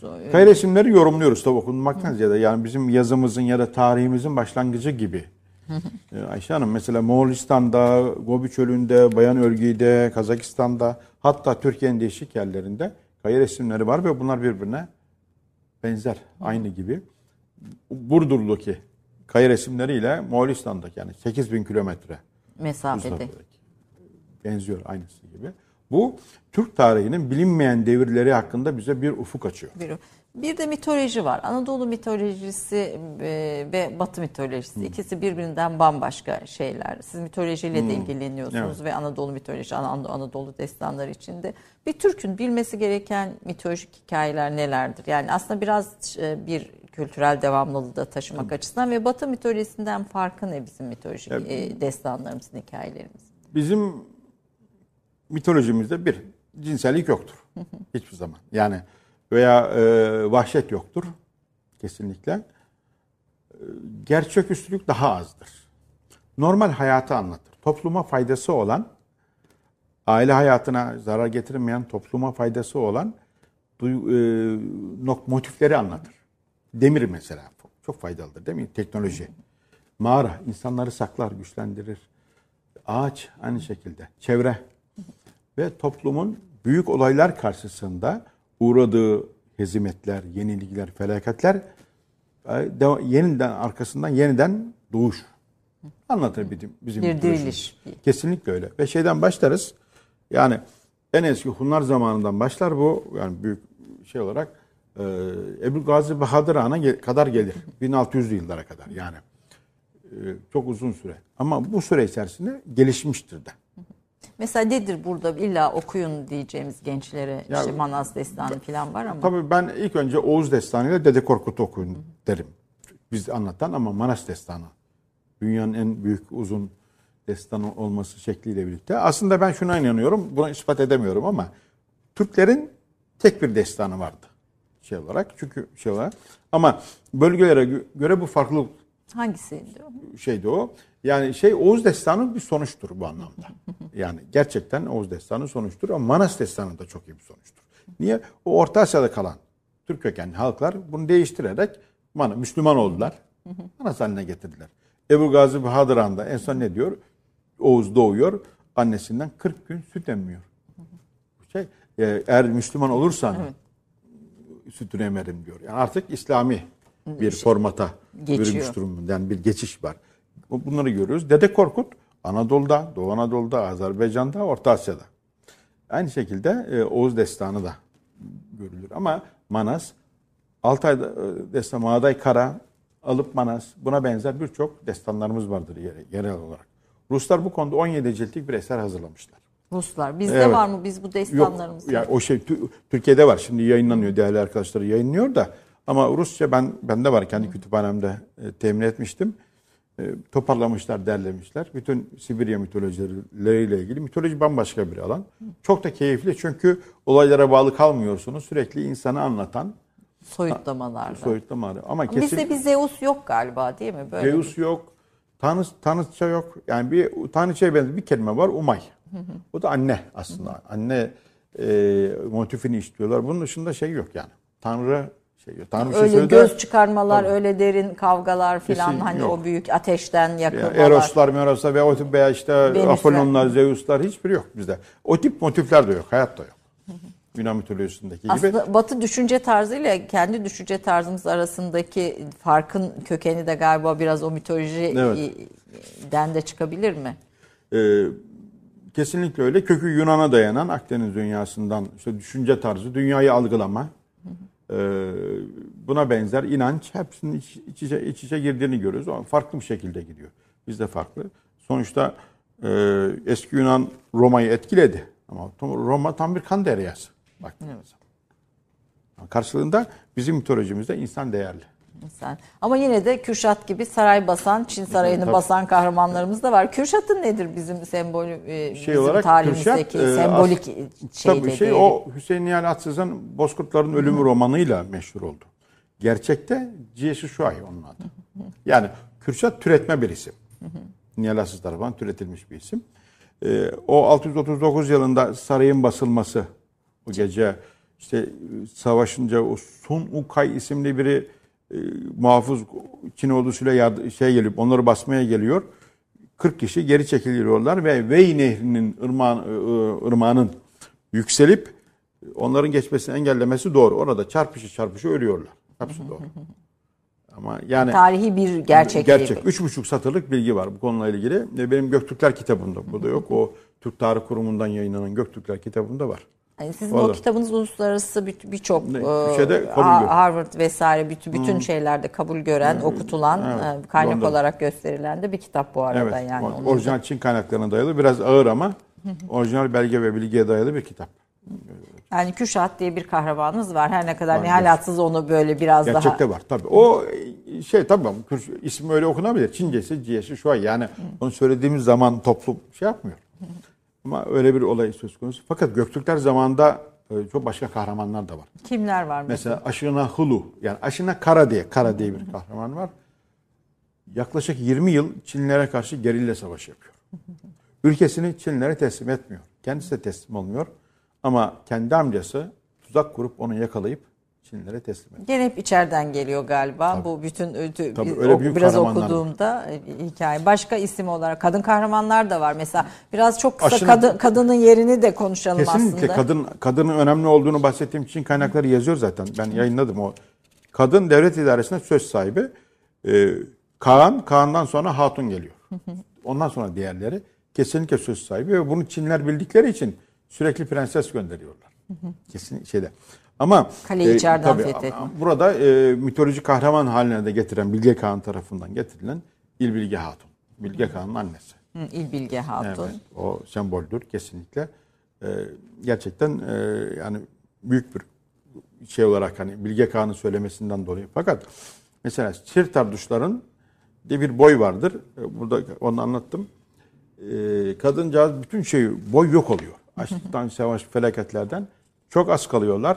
O hatun alıyor boyları, bütün insanları topluyor peşine, e, bakıyor, besliyor, koruyor, gidiyor. Sonra Çin'den Şian'da Şian'ın kuzeyinde bir dağın bir dibinde köy müzesinde o kadının mezar taşını gördüm. Gördünüz. Fotoğrafını çektim. Bilge Hatun.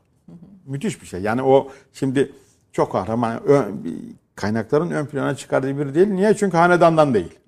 Ama müthiş bir kadın.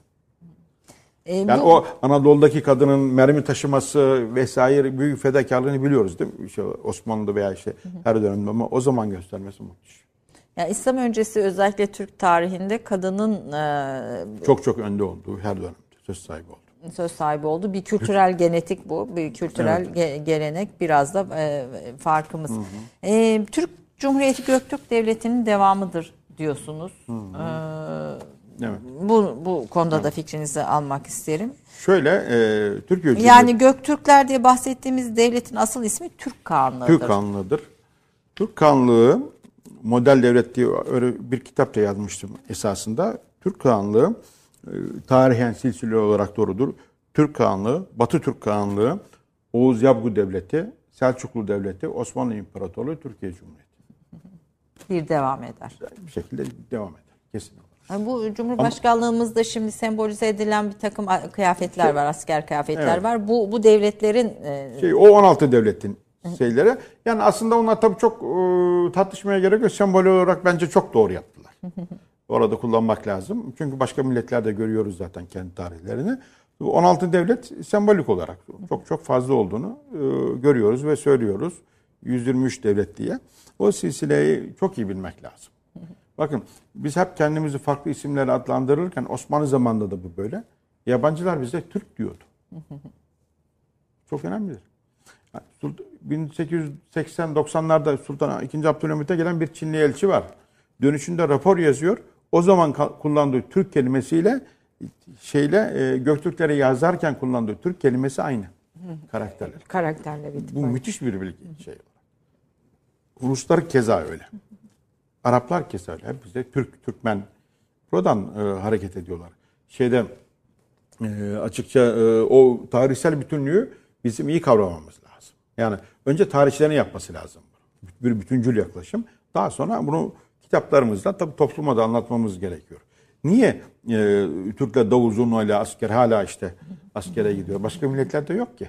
Ama Hunlarda da, Göktürklerde de, Osmanlı'da da her dönemde askere gitmek büyük bir heyecandır. Bu, bu bir, devam eden bir genetik. Ee, bir şey yazarken eski Türk mirasındaki insan ve dünya modellerini de anlatıyorsunuz. Ee, yani kitaplarınızda zaten etnik dil, tarih, edebiyat, hmm. manevi ve maddi kültür, yaşam tarzı, ortak servet ve gelenekler hmm. yani tüm bunlar yer alıyor. Mesela bu ordu gibi bizi betimleyen, bizi tanımlayan başka e, işte aileyi söylediniz. Aile, aile. Boy, boy sistemi. Boy sistemi. Hı, boy sistemi. Boy, yani boy bunun biraz aşiretlerden farkı ne? Mesela Arap dünyasında da aşiretler var. Ee, şöyle e, boy sistemi dedi şimdi Arap yani aşiret, aşiret küçük kabile. yani küçük boy ya da boyların küçüğü gibi akla gelebilir.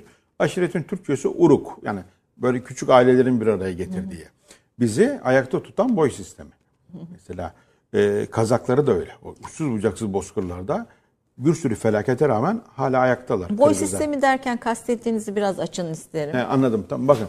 Şöyle Türk Türk tarihinde bir tarafta Hunlar pardon hanedanlar hı hı. Hun, Göktürk, Uygur, Karahan, Osmanlı işte veya işte neyse evet. gibi. Onun paralelinde boylar var. Evet. Bir devlet kurulduğu zaman boylar itaat ediyorlar kendiliğinden. Bir hanedana itaat. Bir hanede itaat ediyorlar merkezi yapı zayıfladığı zaman ya da işte çöktüğü zaman boylar bağımsız kalıyor. Bakın peçenekler 230 yıl Karadeniz'in kuzeyinde Balkanlarda bağımsız yaşadılar ama peçenek devleti yok. Anladım. Boylar halinde yaşadılar. Veya diğerleri şey gibi mesela Töles boylarında olduğu gibi. Bu sistem böyle devam etti. Bunun sonucu nedir biliyor musunuz? 24 Oğuz boyu. Veya e, Türkmenler Mesela Osmanlı ama zaman geldi ne oldu? Osmanlı zamanında görüyoruz. Çok devletle çatıştılar. Çatışma meydana geldi. Boylar bizi hep ayakta tuttu. Fakat modern anlamda kurumsallaşma açısından baktığımız zaman şey yok. E, boyların yeri devletleşmede olmaması gerekir. Boyların yerini Anadolu'da ne aldı? Hem şehricilik. Beraberine gel. Yani bugün gördüğümüz hem, hemşehriciliğin Tabii. kökeni bu boy sistemi. Boy sistemi. O insanların arasında dayanışma olduğunu görüyoruz. Başka türlü Türkler yok olurdu. Yani daha tarihin ilk devirlerinden itibaren o Töresler, Oğuzlar. Çünkü hayat her zaman güzel değil ki. Evet. Bir birçok bazen çatışma. kıtlık çekiyorsunuz, bazen düşman. Hı hı. Bazen kendi aranızda bir sürü çatışma oluyor. O zor şartlarda o çarkın dönebilmesi için toplumun günümüze ulaşması için işte budur. Ben böyle bir şey istiyorum. Yani Türklerin ana gövdesi gibi bu anlamda. Ve şey de var. Bazen başka milletlerden katılma da oluyor yani Türklerin arasına. İşte İrani halklardan. Bazen Çinlerden kaçıp gelenler. Onlar da o çarkın içerisinde günümüze kadar devam ediyor. Devam. Bu Malazgirt ilk Anadolu'ya giriş, e, orada Türk boylarının bazılarının hatta Oğuz boylarının e, çok dahil olmadığına dair bir şey okumuştum ama evet. ne kadar doğrudur? Yani peçenekler ve uzlar işte yani Bizans'ın paralı asker olarak görevlendirdiği birliklerin Selçuklar tarafına geçmesi söz konusu. Niye geçti? Gördüler ki aynı dili konuşuyorlar. Aynı kültürün unsuru. Saf değiştirdiler. Yani bir yerde Bizansları satmış oluyor aslında bak, baktığımız zaman ama o Türk şeyini, bilincini yaşattıklarını görüyoruz. Dil, dil burada coğrafyada önemli oluyor aslında bütün dil, bu, dil, bu, bu, bu, bu süreçlerde dil, tarihin. Dil ve e, bir şey daha var. Bozkır o tip ailelerde ki günümüzde bu Kazaklarda ve Kırgızlarda var. Herkes soylarını, geçmiş kült e, tarihlerini nesilden nesile, dilden dile şey, e, sözel bir şekilde aktarıyor günümüze kadar. Bu da e, ilginç bir konudur. Yoksa e, mesela e, baktığımız zaman Kazakların mitolojisinde yine mitoloji çok önemli veya Kırgızlarda eski tarihlerin izlerini görebiliyoruz. Mesela şeyin de öyle. Ee, Güney Sibirya'da yaşayan boyların e, aynı şekilde o izleri görebiliyoruz. Yazamadıkları için öyle. Şimdi şöyle söylüyorum. Şey, Çinli ipek bulmuş. İpeğin üzerine yazmış. Sonra Mısırlı papürüse Anadolu'da taşlar var. Taşlara yazmışlar. Bizimkileri e, işte taşlara ancak yazıyorlar. Kemerlerine yazıyorlar. Derilerin üzerine yazıyorlar. Sonra yazı kayboldu. Kayboldu. Bir Türk alfabesi yaşıyor ama runik Tabii. diyorsunuz. Damgalardan doğan runik işte İsveç'teki e, yazıtlardan dolayı İskandinav runaları diyorlar ilk başta. Sonra runik alfabe olarak kazandırılmış. Hı hı. Ama doğrusu Türk alfabesi ya da işte tabii Türk yazısı, Türk alfabesi, Orhun alfabesi falan denebilir. Bunlar damgadan doğuyor. Bakıyorsunuz M işte sesi veya B sesi balık gibi. E sesi hep şey B yani sesi çok... şey ev gibi çok eskiden At, beri gelen bir tabii, bir alfabe. Yaklaşık 38 harfli 38 bir yazı harfli, sistemi olduğunu söylüyorsunuz. Ee, bugün de devam ediyor gelişerek. Evet. Yani dünya dilleri içinde Türkçenin gelişerek devam etmesinin ayrı bir... Kes, e, o da öyle ve yani, Türklerin yaşadığı her yerde var. Yani Macaristan'da Transilvanya dediğimiz o Karpat Dağları'nda var. Mançurya'da var, Çin'de var, Anadolu'da var o yazıtlarda. Yani evet.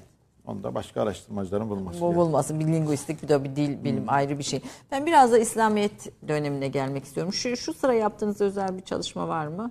Yani şu sıra e, özel çalışma var. Bunlar e, yine kendi Türklerin boy sistemi, bilgele, bilgelik, Türk bilgelik strateji e, buna benzer. Başka bir çalışmam daha var. E, Uygurlara benzer. Uygurlar üzerinde bir çalışmam daha var.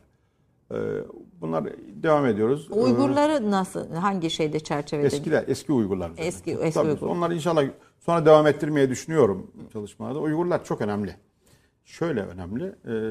Bugün maalesef Doğu Türkistan'da işte iyi şartlarda değiller. Bunları ben bizzat e, gözlemledim. Ama e, eski Uygurlar Göktürklerin devamı gibi. Yine boş sisteminden hareketle 9 Oğuz boylarından gelen, o bölgeden gelen bir dönem. Ee, daha sonra yerleşik hayata geçiyorlar. Yerleşik hayatta da müthiş bir kültür meydana getiriyor. Yani günümüze ulaşan maddi kültür kalıntıları var. Mimari yapı, resim, işte su kanalları, tarım, birçok hukukla ilgili birçok belgeleri var. Ee, bir kısmı Müslüman oldu, bir kısmı Budist olarak devam etti. Ee, yani genel o Türk tarihinin çok zengin bir köşesini Uygurlar meydana getirmiştir. Bu yüzden önemlidir. Bunları koruma şey yapmamız lazım. Bu Ramazan bayramında paylaşmıştım o bir İtgah Camii var şeyde. Kaşgar'da müthiş bir alan. Yani orayı Kaşgar'ı gezince Anadolu'da bir kasabada gezdiğimi hissettim. O kadar o kadar, o kadar benziyor. birbirinin bir, modeli. Tam Türk İslam kültürü. Yani hem Türk hem Anadolu'daki İslam kültürüyle bütünleşmiş durumda. Müthiş bir şey. Türkler Araplarla çok çatışmamış yani elbette hani olduğu dönemlerde olmuş ama yine de hani ve Müslümanlık çok kolay benimsemişler. Burada şamanizmden Müslümanlığa geçişte bir e, etken, bir sebep, kolaylaştırıcı bir unsur görüyor musunuz? Yani e, o gök tanrı dini şamanizm sonradan gelme. yani daha doğrusu sonradan verilen bir isim. O gök tanrı inancı, göğe karşı gökte bir soyut tanrı inancı bence Türklerin İslamiyet'e kitleler halinde girmesini sağlamıştır. İlk Müslüman olan Türkler? Yani devlet olarak şey e, İdil Bulgar Hanlığı 9, 921 ama ondan önce Mısır'da Tolunoğulları devleti var 837.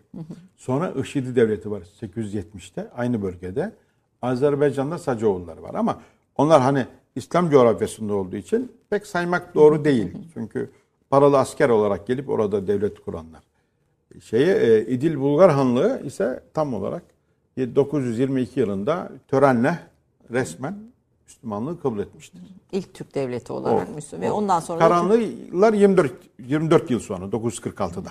Burada e, kolay olmuş yani Türklerin İslamlaşması ve evet. çok kolay benimsemişler. Ama ona da farklı bir renk katmışlar. İşte Ahmet evet. Yesevi ile falan. Biraz da o renge dair fikirlerinizi evet. dinlemek isterim. Şimdi şöyle orada Ahmet Yesevi daha sonra Türklerin Buhara, e, o bölgede yerleşik hayata geçmesiyle birlikte ilim hayatında, bilim hayatında müthiş bir e, katkı sağladığını görüyoruz. El-Buruni, ibn Sina, Farabi işte birçok bilim adamının.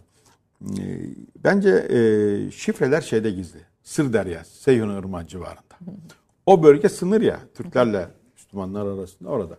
Kurban bayramlarının büyük katkı sağladığını görüyoruz. Çünkü kurban bayramında ticaret yapıyorlar. Müslümanların kurbana ihtiyacı var. Bozkırlar getirip hayvan satıyorlar. Zamanla ticaret yapa yapa anlaşıyorlar. 832'lerden sonra yani e, Talas Savaşı'ndan da sonra uzun zaman sonra böyle bir, müthiş bir yakınlaşma var.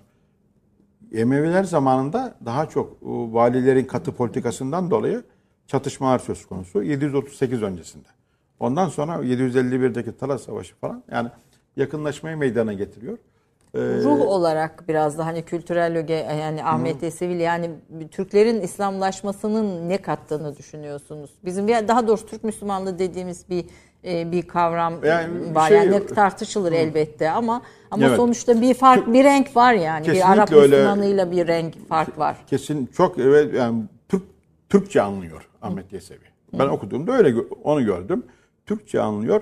Ee, ve Türkçe ibadet ayrıca işte kadın ibadeti, kadın hakları vesaire olmak üzere ee, o Ahmet Yesevi'nin gönderdiği dervişler de onun öğrencileri de Anadolu'nun Türkleşmesine katkı sağlıyor. Yani Anadolu Müslümanlığının diyelim Türk veya Türk Müslüman kökeninde Ahmet Yesevi vardır doğrudan. O bölgeyi karış karış gezdim ben. Yani veya şeyini de okudum. Ama e, Balkanlara kadar Ahmet Yesevi'nin talebelerinin yayıldığını görüyoruz. E, Türk Müslümanlığı veya işte Türkçe ibadet vesaire bunlar gerçekleşmiştir. E, esas olarak e, onunla ilgili de menkıbeler var tabii değişik olarak. Yani uzun yıllar yaşadığı veya şeylerle ilgili. Çok hoş. E, bence e, yani kesinlikle renk katıyor Anadolu'da özellikle Balkanlarda veya Anadolu'da. Ee, o Ahmet Yesevi onun gibi olanların Anadolu'nun Türkleşmesine, Türk kültürünün yaşamasına Mesela bir katkı izler sağladığını eski eski düşünüyorum. okuduğunuz kaynaklardaki bazı davranışlar veya sembollerle sonra İslam olduktan sonra böyle ortak taşınan semboller var mıdır? Ne- Mesela köylerde vardır. Evlerin kapısına kaplumbağa, koçbaşı, koçbaşı asmak. Koçbaşı asmak bir böyle bir devam eden bir tabii sembol. ona benzer çok e, gelenek var. Mezar me- mezarlarımız, mezar taşları, mezarlarımıza verilen önem, ölü gömme, ölü gömme gelenekleri diyelim genel olarak. Mezarların tipleri, kazarken işte hani Kırgızistan'da hala öyle. E, Türk tipinde bir mezar yapılması, ölü gömme gelenekleri, düğünler bana benzer. Sosyal hayata ait çok fazla malzeme var. malzeme var taşınan eski Türklerde İslam Kesinlikle öncesinden taşınan. Efendim çok çok teşekkür ediyorum. Ee, yani merak ettiğimiz çok şey var ama Evet. e, böyle çok kısa bir zamanda paylaştınız. Ee, bu çalışmaların devam etmesini temenni ediyoruz. Kapatırken ben Bilge Kağan'dan bize izleyicilerimiz için böyle bir şey okuyun isterim. Bilge Kağan'ın vasiyeti kitabınızdan. Ben bir Buyurunuz. paragraf okuyayım. Bir paragraf okuyun isterim. Ha, bugüne taşınıyor bu, bu nasihatler aslında bu kıymetler. Ve bizde de yankı buluyor. Kalbimizde de yankı buluyor. Buyurun Evet. efendim. e, millete tavsiyeler kısmı var. Bence günümüze en önemli katkı verecek en önemli kesim burası. Sıra milletine nasihat vermeye gelmiştir. Eğer kendisinden sonra başa geçecek Göktürk Kağanları Ötüken ormanında otururlarsa ve bu mevkiden devleti idare ederlerse ülkede sıkıntı olmayacağını ileri sürmektedir. Bunun devamında kendi seferlerini sıralar. Öncelikle Çin'in Shandong Ovası'na kadar ordularını ulaştırmış, denize, büyük okyanusa çok az mesafe kala durmuştur. Shandong, asıl Çin sahasının işlerinde doğusuna doğru çok önemli bir merkezdir. Bilge Kağan, Çin'deki Tan İmparatorluğu'na ağır darbeler vurduktan, hedefine vardıktan sonra ordularını geri çekmiştir. Güney istikametine doğru yapılan seferlerde Orta Asya'nın bu yönde sınırı olan Tibet'e yaklaşan Bilge 9 Ersin'e, Karaşar'a kadar gittiğine, bugünkü Doğu Türkistan gittiğini bil- bildirmektedir. Batıda ise İnci, Seyhun, Sırderya ırmağına ırmağı geçilerek Demir Kapı, Semerkant, Berh yoluna varmış. Kuzeyde ise Bayırku boyunun yaşadığı yere kadar ordularını götürmüştür. Bu bir kısmı tabii çok vakit almayalım. Ama vasiyatte çok önemli Evet. nasihatler de var bu Tabii. bu şeyin içinde. Özellikle bugün sizin kulağınızda kalan bugünkü Türklere söylediği şeylerden hani bu bunu yaparsak felah buluruz diyeceğiniz bir Evet. cümle var mıdır? Şöyle ey Türk milleti diye seslenerek aç iken tokluğu düşünmediğini, tok iken de açlığı aklına getirmediğini belirtmektedir. Bu bir tespit evet yani. Günüm, günümüzde de aynen uyuyor. Değil mi? Tam Değil da- mi? Evet. Aynen öyle. Ama Ötüken Ormanı'nda oturup e, buradan Çin'le gerekli ilişkilerini kurarlarsa ve oraya ve diğer ülkelere kervanlar gönderirse ebediyen yaşayabilecektir.